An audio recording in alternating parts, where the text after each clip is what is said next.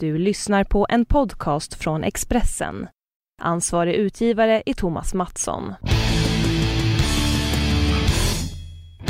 Hej och välkomna till Allt om bilars podcast. Vi är tillbaks för en intressant höstsäsong hoppas jag och jag hoppas att ni hänger med i flera program framöver. Eh, det här blir lite en ny, ny variant av Allt om bilars podcast. David Jakobsson kommer inte att vara med lika ofta som tidigare utan vi ska istället eh, passa på att intervjua intressanta personer som har eh, en relation till bilar och till eh, bilbranschen.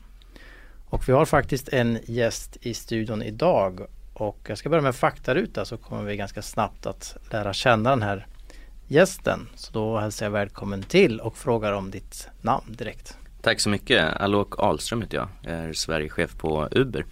Precis och då förstår ni direkt vad det kommer att handla om. Bland annat eh, deras eh, nya samarbete med Volvo och några till i bilbranschen som blev offentligt förra veckan. Men också om hur de ser på det här med att eh, transportera sig i bil. Vi kan gå vidare i faktarutan. Ålder? Jag är 32 år idag. Och du bor?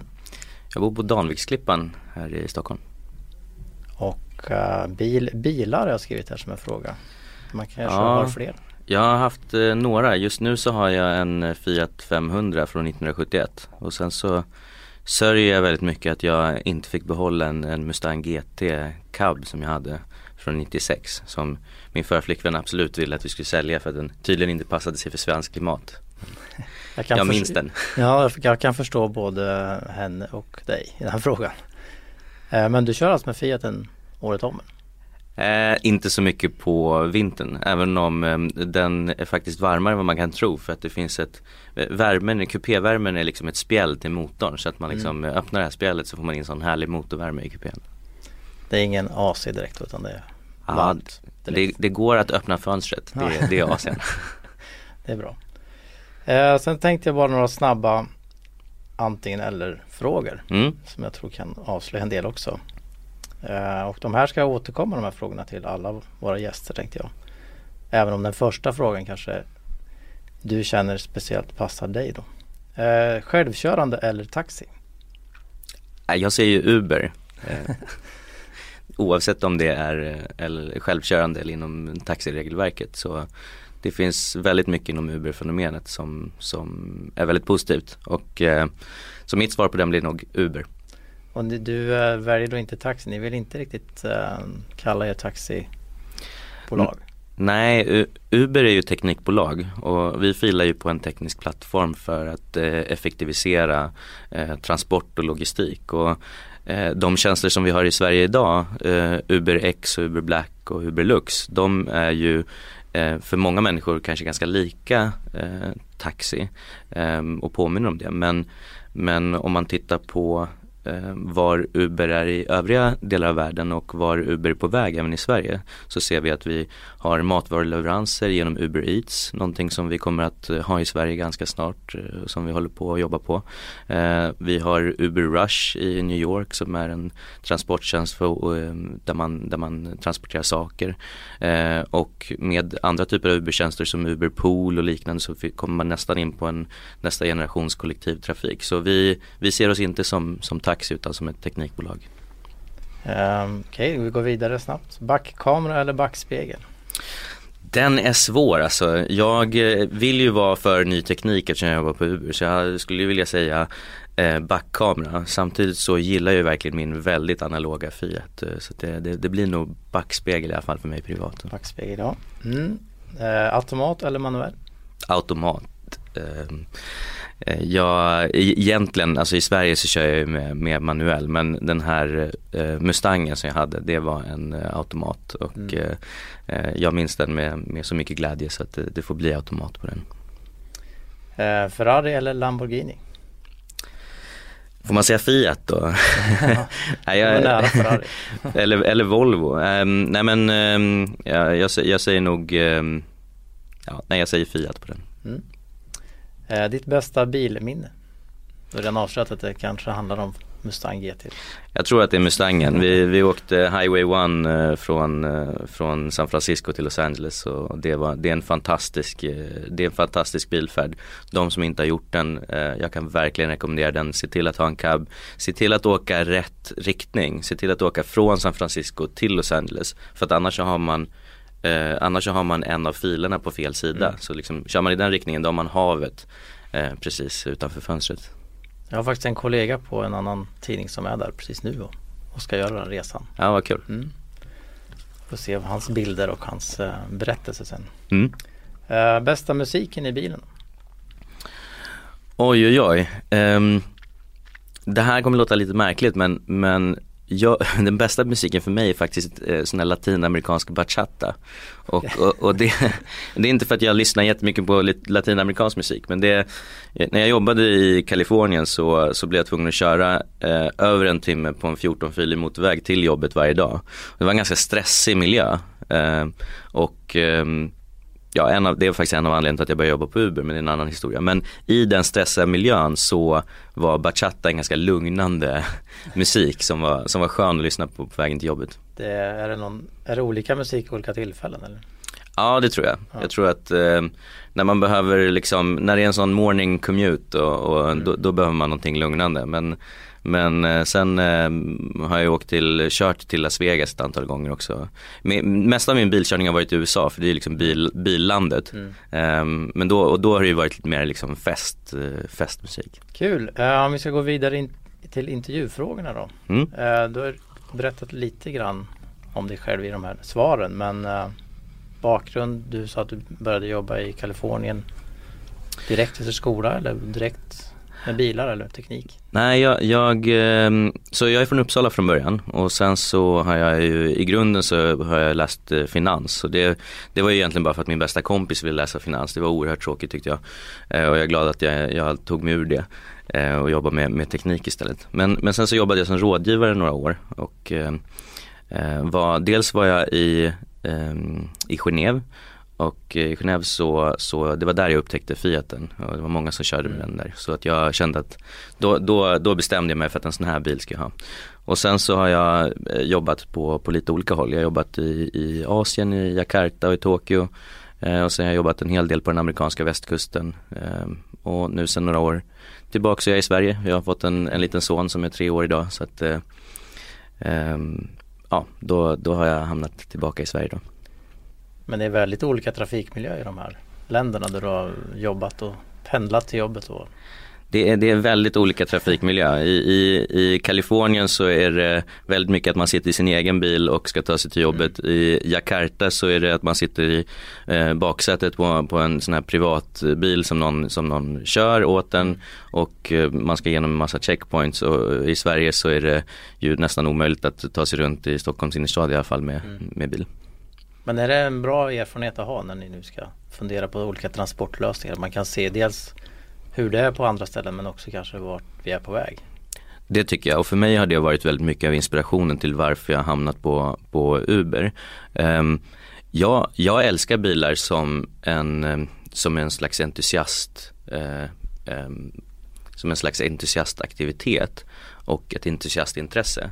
Men jag älskar inte bilar som ett sätt att bara transportera mig från A till B om det inte är någonting annat jag jag behöver och vill ha ut av det. Och då, då tycker jag att Uber och med de eh, tekniska lösningar som Uber har är, är smartare eller andra typer av saker, eh, transportsätt som kollektivtrafik och liknande.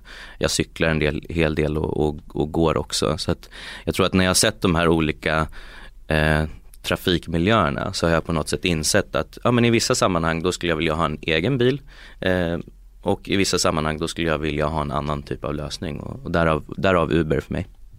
Ehm, tycker du att bilbranschen svarar upp mot det här? Eller är de ganska, de är ganska ensidiga eller?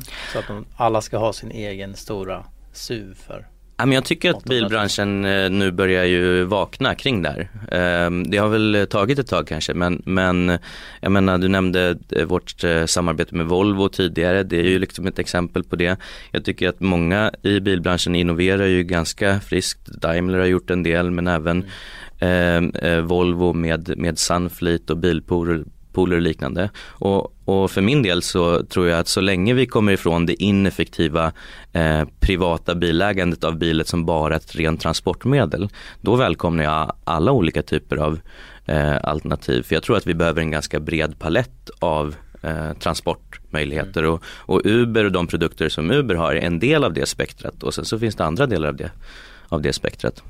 Bland annat Folkvagn pratar ju mycket om att de ska bli framtidens eh, leverantör av transportlösningar. Mm. De pratar inte så mycket om bilar längre men när de pratar tio år framåt och så. Just det. Sen kan det vara ett sätt för dem att komma ur en viss kommunikation som de har suttit i ett år men, men det är en annan sak att de gärna pratar el och transportlösning.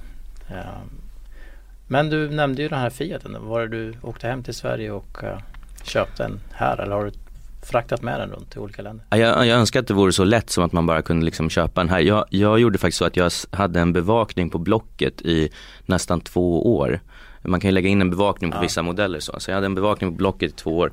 Och sen en natt kommer jag ihåg, en fredag till lördag natt så plingade det till klockan halv två på natten i, i min mail. Och då var det en eh, italiensk bilmekaniker som, eh, han har en dotter i Sverige, i Helsingborg, så han hade kommit upp eh, med sin, eh, han, vid sidan av sin bilmekanikerbusiness så, så sålde han mattor också, så han hade en stor skåpbil och i den hade han lyckats trycka in den här Fiaten. Så han var i Helsingborg och eh, och då ringde jag honom på, på lördag morgon och sa, du den där bilen, är den så fin som den ser ut på mm. bild? Eh, och så sa han ja och då sa jag att jag hade tänkt pruta men du jag tar den. Och sen så tog jag den. Är den i bästa möjliga skick eller? Den är fantastisk. Den är sån eh, klassisk italiensk mm. Eh, röd färg och, och, den är, ibland så är den lite svårstartad om det är kallt sådär. Men den, den, väger ju bara 400 eller 450 kilo så man kan ju liksom rulla igång den själv om det, om det behövs. Vi, är, vi har ju varit ute på olika äventyr i bilbranschen och ibland så får man tillfälle att köra lite äldre bilar. Mm. Och ibland så har jag kört olika Opel-bilar från ja, 60 och 70-talet. Det är en fantastisk känsla att köra de gamla.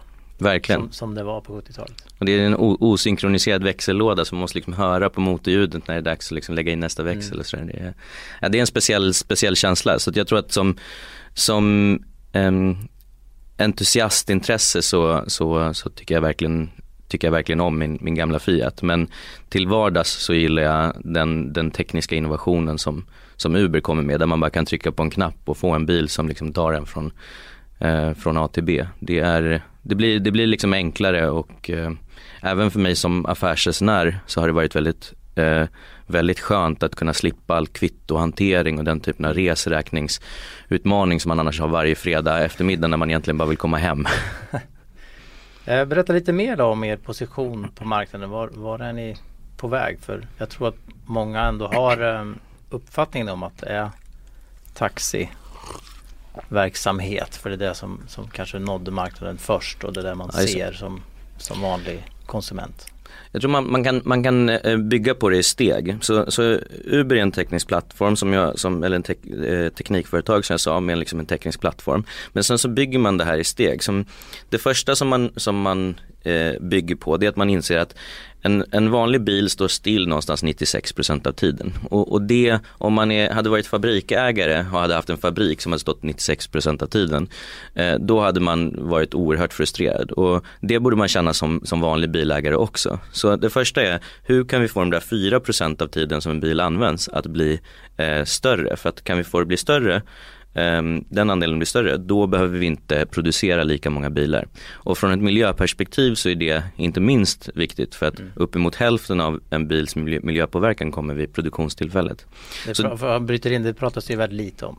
Det pratas mycket det, om elbilar men kanske inte vad det kostar att bygga de här alla nya elbilarna. Det pratas väldigt lite om och jag tycker att det är värt att, värt att mm. påminnas om det. Så att, så att kan, vi, kan vi få upp utnyttjandegraden i tid av en bil så är det Eh, så är det positivt och det är liksom första steget. Och där pratar vi om samåkning eller ride sharing som det heter på engelska där man aktiverar den här resursen, den här maskinparken av bilar som står still. Och det här ser vi ju överallt, det är ju bara att gå ut på gatan, alla parkerade bilar. Man behöver ju ställa sig frågan, behöver vi ha eh, parkerade bilar? Behöver vi ha parkeringsplatser? Det är ju ingen som gläds av det. Ehm, så det är det första och då har vi ju haft eh, produkter som, som Uber Pop och UberX och liknande som vi har pratat om tidigare.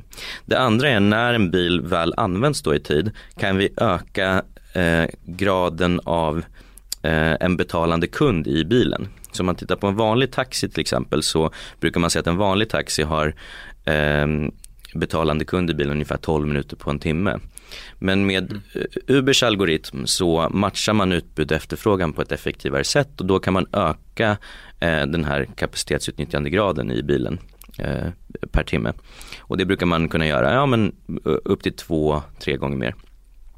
Och, och, det leder till att man både kan hålla ett lägre pris eh, för kunder och ha en högre intjäning och som vi ofta kritiseras om kring skatt så kan man faktiskt också eh, generera ett större skatteunderlag.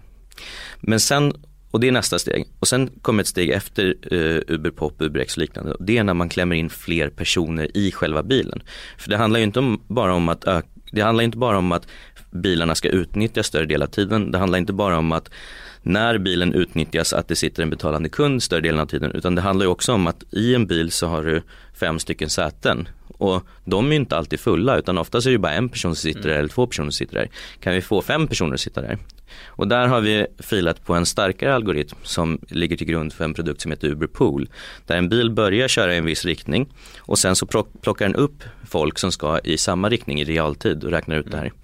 Um, och då kan man få ner priset ännu mycket mer. I San Francisco tror jag att det kostar 5 dollar eller någonting sånt att åka Uberpool. Och det är ju samma prisnivå som kollektivtrafik men med en tjänst och upplevelse som är som som taxi. Mm. Så att man bygger på det här i olika steg och sen kan man säga att sista delen av det här är ju att man inser att nej men, det finns ju en baklucka också. Och den här bakluckan kan man ju lägga grejer i. Mm. Eh, och då kommer vi in på Uber Eats och Uber Rush och liksom när man kan lägga både, både saker och mattransport och så vidare. Men det skulle kunna vara så att om jag åker från uh, Svedmyra söder om Stockholm till Arlanda, vilket är en vanlig resa, så kan det vara man plockar upp några på vägen. Precis, och här kan man säga att i, i horisonten, och horisonten för Uber är inte tio år fram utan horisonten är liksom några månader fram. Men i, i horisonten så, så ser vi en produkt som vi kallar för Uber Commute. Där vem som helst som har en bil och sitter och kör en bil en viss sträcka, om man kanske ska, ja men den sträckan som du beskriver eller om man ska till ICA och handla eller vad det är. Så kan man eh, vara Uber-förare för en liten stund. Och sen du kanske bara är Uberförare 20 minuter av ditt liv men under de 20 minuterna så du skulle någonstans, du plockade upp någon på vägen, fick en liten slant för det. Eh, och sen så är det ju väldigt socialt också. Man ska titta när vi hade Uber Pop som pilotprodukt så var det ju runt 40% av alla som körde Uber Pop som gjorde det eh, till, till, i någon utsträckning på grund av so rent sociala anledningar. Jag åkte med en managementkonsult som, han jobbade så mycket så att han kände att det var en sån avstressande grej för honom att få, få köra en timme Uber på, på eftermiddagen. Ja, precis. Men ja, får, det är intressant för det, det går ju lite på sätt och vis emot vissa saker som vi människor tenderar att hamna i. Att vi vill, vi vill rå oss själva, vi vill ha, det är min bil. Jag vill inte ha in någon i bilen. Jag, alltså, Ja men jag tror att det där är en generationsfråga alltså. Ja. Jag tror att vi, eh, om jag tittar på, på min generation och mina vänner, då vill man absolut ha tillgång till en bil. Man vill ha tillgång till en massa saker och det, och det, och det är inte bara kring bilar, man vill ha tillgång till en, till en sommarstuga eller en, en våning i Paris. Men det är väldigt svårt att äga en våning i Paris och en sommarstuga och mm. äga alla de här bilarna. Men med den nya tekniken så, och det, det, är inte bara Uber utan det är Airbnb och liknande, så skapar man ju en slags, vad ska man säga, virtuellt bilägande kan man nästan säga, mm. att du, du, som ger dig tillgång till alla de här grejerna on demand.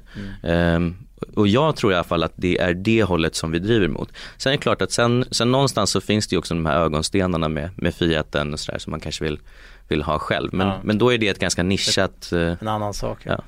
Jag kände mig plötsligt ganska gammal där.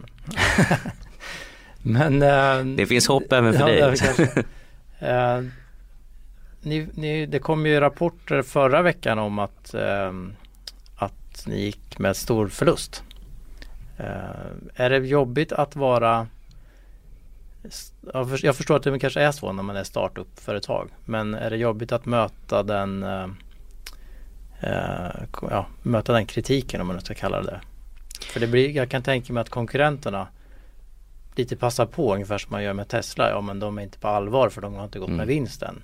Alltså, och så kan det ju vara i början under kanske under många år också.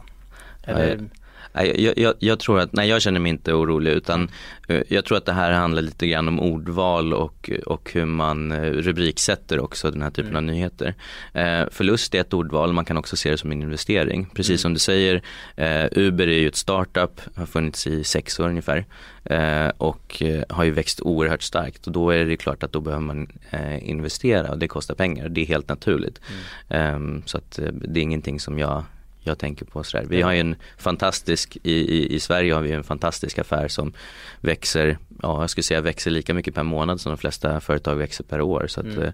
eh, framtidsoptimismen och, och känslan som, som vi har är ju är väldigt positiv. Ja, det kom en annan rapport också som visade att ni var ett av de mest värdefulla varumärkena på sikt så att säga, alltså den som växte snabbast. Ja, menar, man ser det när vi, nu när jag började i november så fanns vi eh, Eh, Stockholm och Göteborg och sen eh, starta, har vi dels startat lite olika nya produkter men vi har också eh, expanderat till en del städer. Och när vi expanderade till Malmö så märkte man liksom samma dag som vi satte som vi startade verksamheten så hade vi många fler resenärer än vad vi trodde att vi skulle ha.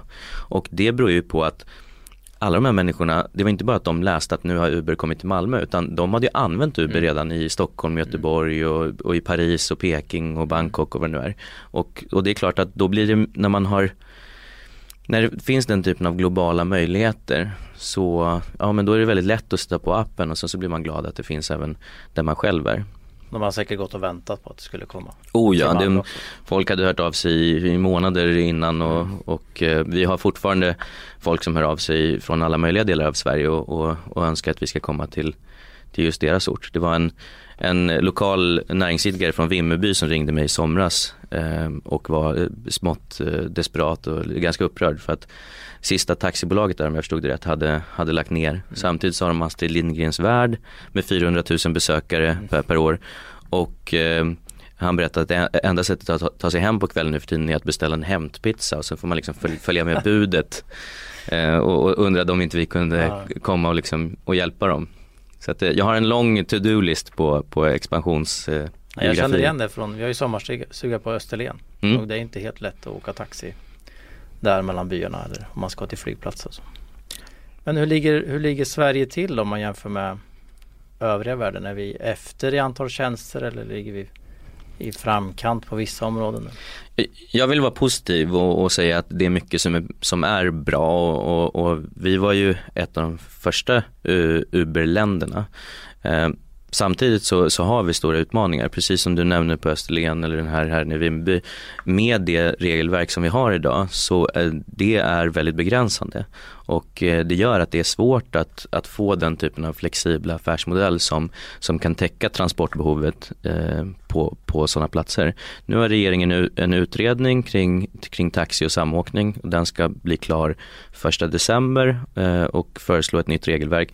Och vi har ju stora förhoppningar om att det kommer att bli ett bra regelverk som, som främjar den här typen av, av eh, teknik och tekniska lösningar.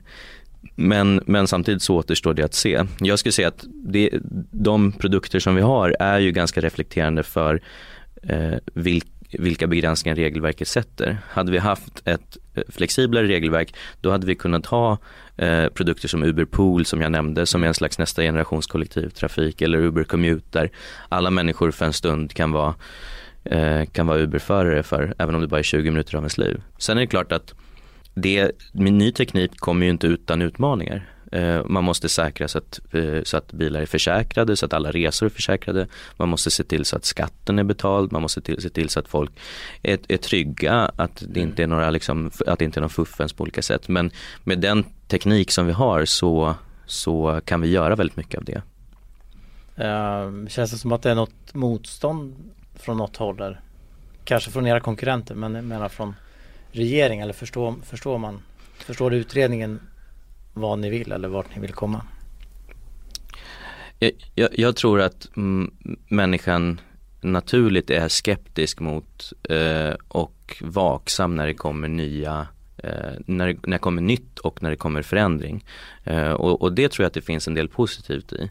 Eh, men samtidigt så utan förändring så kommer vi inte vidare heller. Alltså, mycket av min drivkraft kommer i att någonstans i livet så inser man att allting som vi ser runt omkring oss, alla alla lagar, alla regler, alla normer, men även alla produkter eller tjänster och byggnader och vägar och så vidare. Allting är ju, en, är ju ett påfund av andra människor som inte är särskilt mycket smartare än du och jag. Och allt det här gjordes i dåtid. Så att om man det, det, det innebär är ju att det de facto finns en möjlighet att förbättra för att förutsättningarna var annorlunda då. Och man behöver på något sätt ta till sig det och förstå att, eh, att vi kan göra saker och ting på ett bättre och smartare sätt nu. Och det tror jag att även eh, det är väl det utredningen ska titta på. Jag hoppas att man, att man även har den insikten där.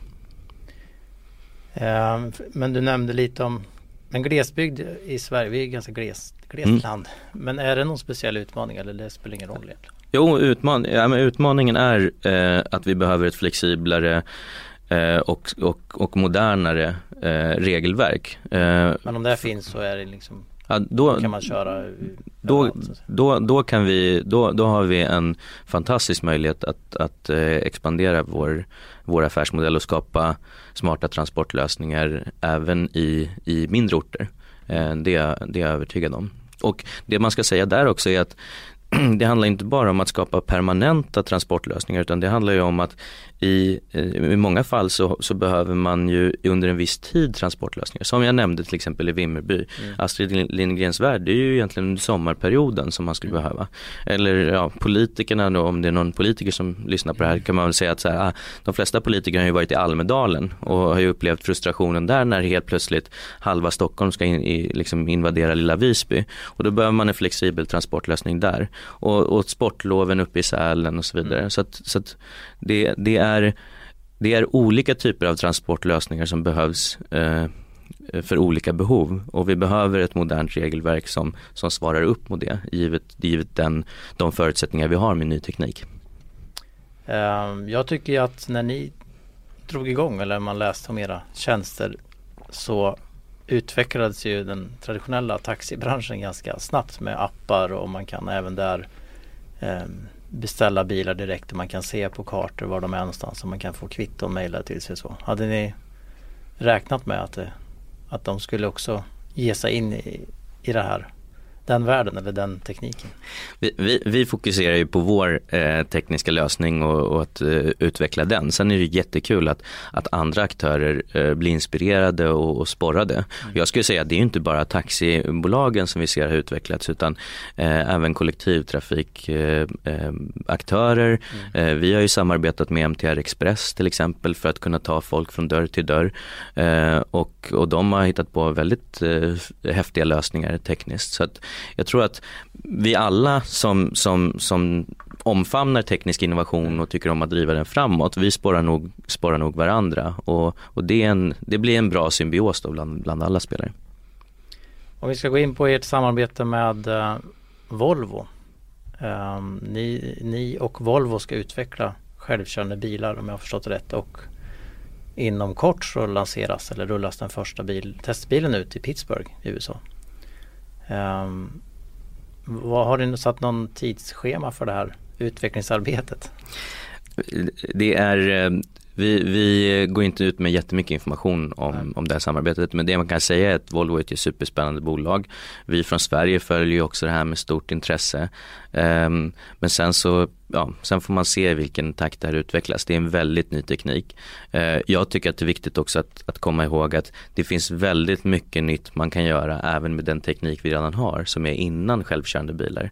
Men bara det faktum att man har en gyro i telefonen gör ju att man kan känna av trafikbeteende, hur bra folk kör och liksom förbättra trafiksäkerheten och så vidare.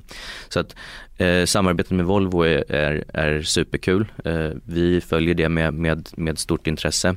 Men, men den exakta tidslinjen den får, jag, den får jag återkomma med. Det kom också uppgifter om att ni har eller ska köpa elbilar från Nissan och eh, BYD, BYD va? till London. Är det också ett eh, det känns ju lite närmare än att köra elbil. Ja, Just, just eh, de delarna kan jag tyvärr inte för att jag, jag är så fokuserad på den svenska marknaden. Mm. Men eh, så här, det är väldigt mycket som händer i många olika delar av Uber-världen. Eh, elbilar i London som du nämnde men jag menar i, i eh, Istanbul så kör vi båtar i, i Delhi i Indien där min mamma kommer ifrån så, så är det liksom sådana här rikshas och, så att det är en flora av olika eh, av olika transportlösningar. Och sen så experimenterar vi med, med, med olika mm. delar. Jag menar nu i Malmö här för några veckor sedan så testade vi att köra en helikopter eh, och eh, det var väldigt uppskattat. Eh, så man får liksom, eh, man provar med lite olika, någon gång kanske det blir flygplan. Ja det kan jag tänka mig, helikopter skulle vara. Um, du var inne lite på eh, bilism och privatbilism. Jag tror att, det, tror att vi kommer att eh, ha egna bilar i framtiden. Om vi säger 20 år framåt kommer vi att jag tror att vi kommer värdesätta, värdesätta tillgången till bil på olika sätt och värdesätta tillgången till olika typer av bilar.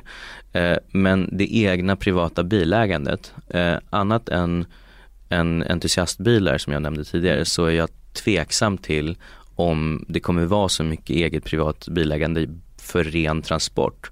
Eh, jag tycker inte att det är vettigt. Jag tycker det är någonting som faktiskt gör mig ganska upprörd. Alltså, och jag kommer ihåg när jag satt där på den här 14-filiga motorvägen i Los Angeles och tänkte att så här, nu ska alla till jobbet. Vi bor alla vid kusten, vi jobbar alla i downtown. Hade vi inte bara kunnat sätta oss i en buss allihop? Um, och jag nämnde det till mina kollegor där och de förstod inte helt vad jag pratade om för att bilen var så central för dem. Men sen dess så ska man säga att Uber har eh, lanserats i, i, Los Angeles och, och, blivit ganska stort. Och nu för tiden när folk åker till Los Angeles så behöver de faktiskt inte hyra bil längre utan man kan åka Uber. Och det gör att jag, jag tror att eh, privatbilismen och privata bilägaren kommer se annorlunda ut och vara effektivare framöver. Ja det är spännande. Eh, brukar du besökas av bilsalonger eller på vilket sätt följer du med utvecklingen i bilbranschen? Ja, lite grann. Um, jag, nu i och med det här eh, samarbetet med, med, med Volvo så har jag ju varit och, och, och, och träffat Volvo och sett deras nya S90 och sådär så mm. det, det, det är klart att det, det känns kul. Men eh, Ja, men jag, jag, jag följer lite grann på, på nätet och, och som sagt, jag, mest kring min Fiat får man säga, där jag, där jag sitter och tittar på liksom beställa originaldelar och sådär från olika italienska sajter. Och, Åker du på sådana träffar också? Eller?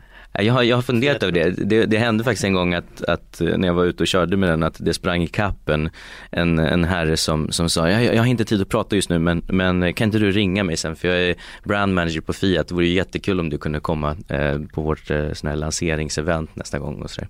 Så att eh, det händer men jag, jag skulle behöva vara mer aktiv. Skulle man kunna tänka sig en sån eh, Uber Classic, att man får åka en gammal bil?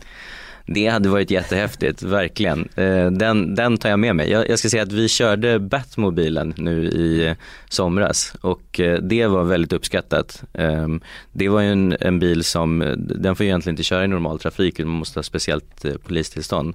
Men den, man kunde beställa en, beställa en Batmobil genom Uber, Uber-appen och det var oerhört, oerhört uppskattat så att, och fick mycket uppmärksamhet. Så att en slags Uber Classic i alla fall under vissa delar på sommaren, det hade när det är fint väder. Det, det ska jag ta med mig.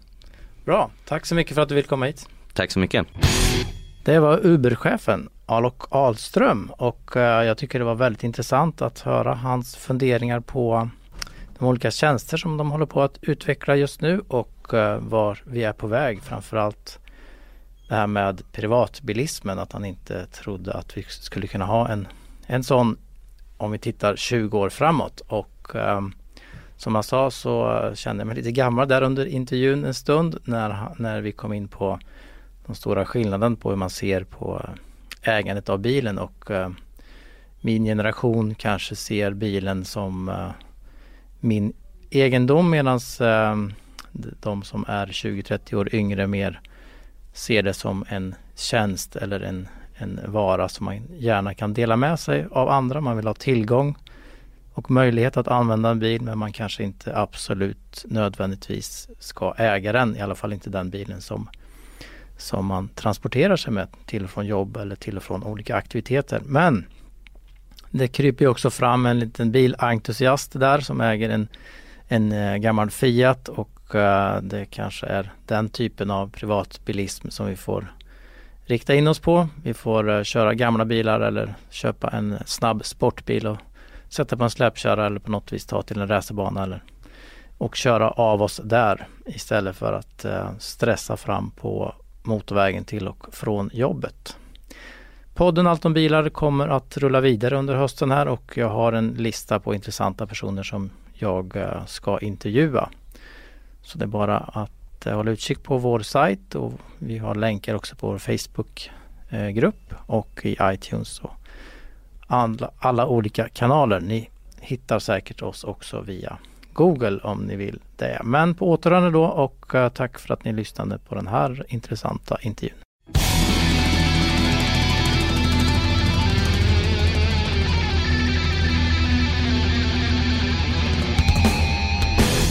Du har lyssnat på en podcast från Expressen. Ansvarig utgivare är Thomas Mattsson. Ett poddtips från Podplay. I fallen jag aldrig glömmer djupdyker Hasse Aro i arbetet bakom några av Sveriges mest uppseendeväckande brottsutredningar.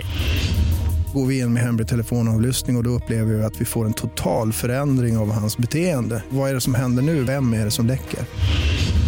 Och så säger han att jag är kriminell, jag har varit kriminell i hela mitt liv men att mörda ett barn, där går min gräns. Nya säsongen av Fallen jag aldrig glömmer på Podplay.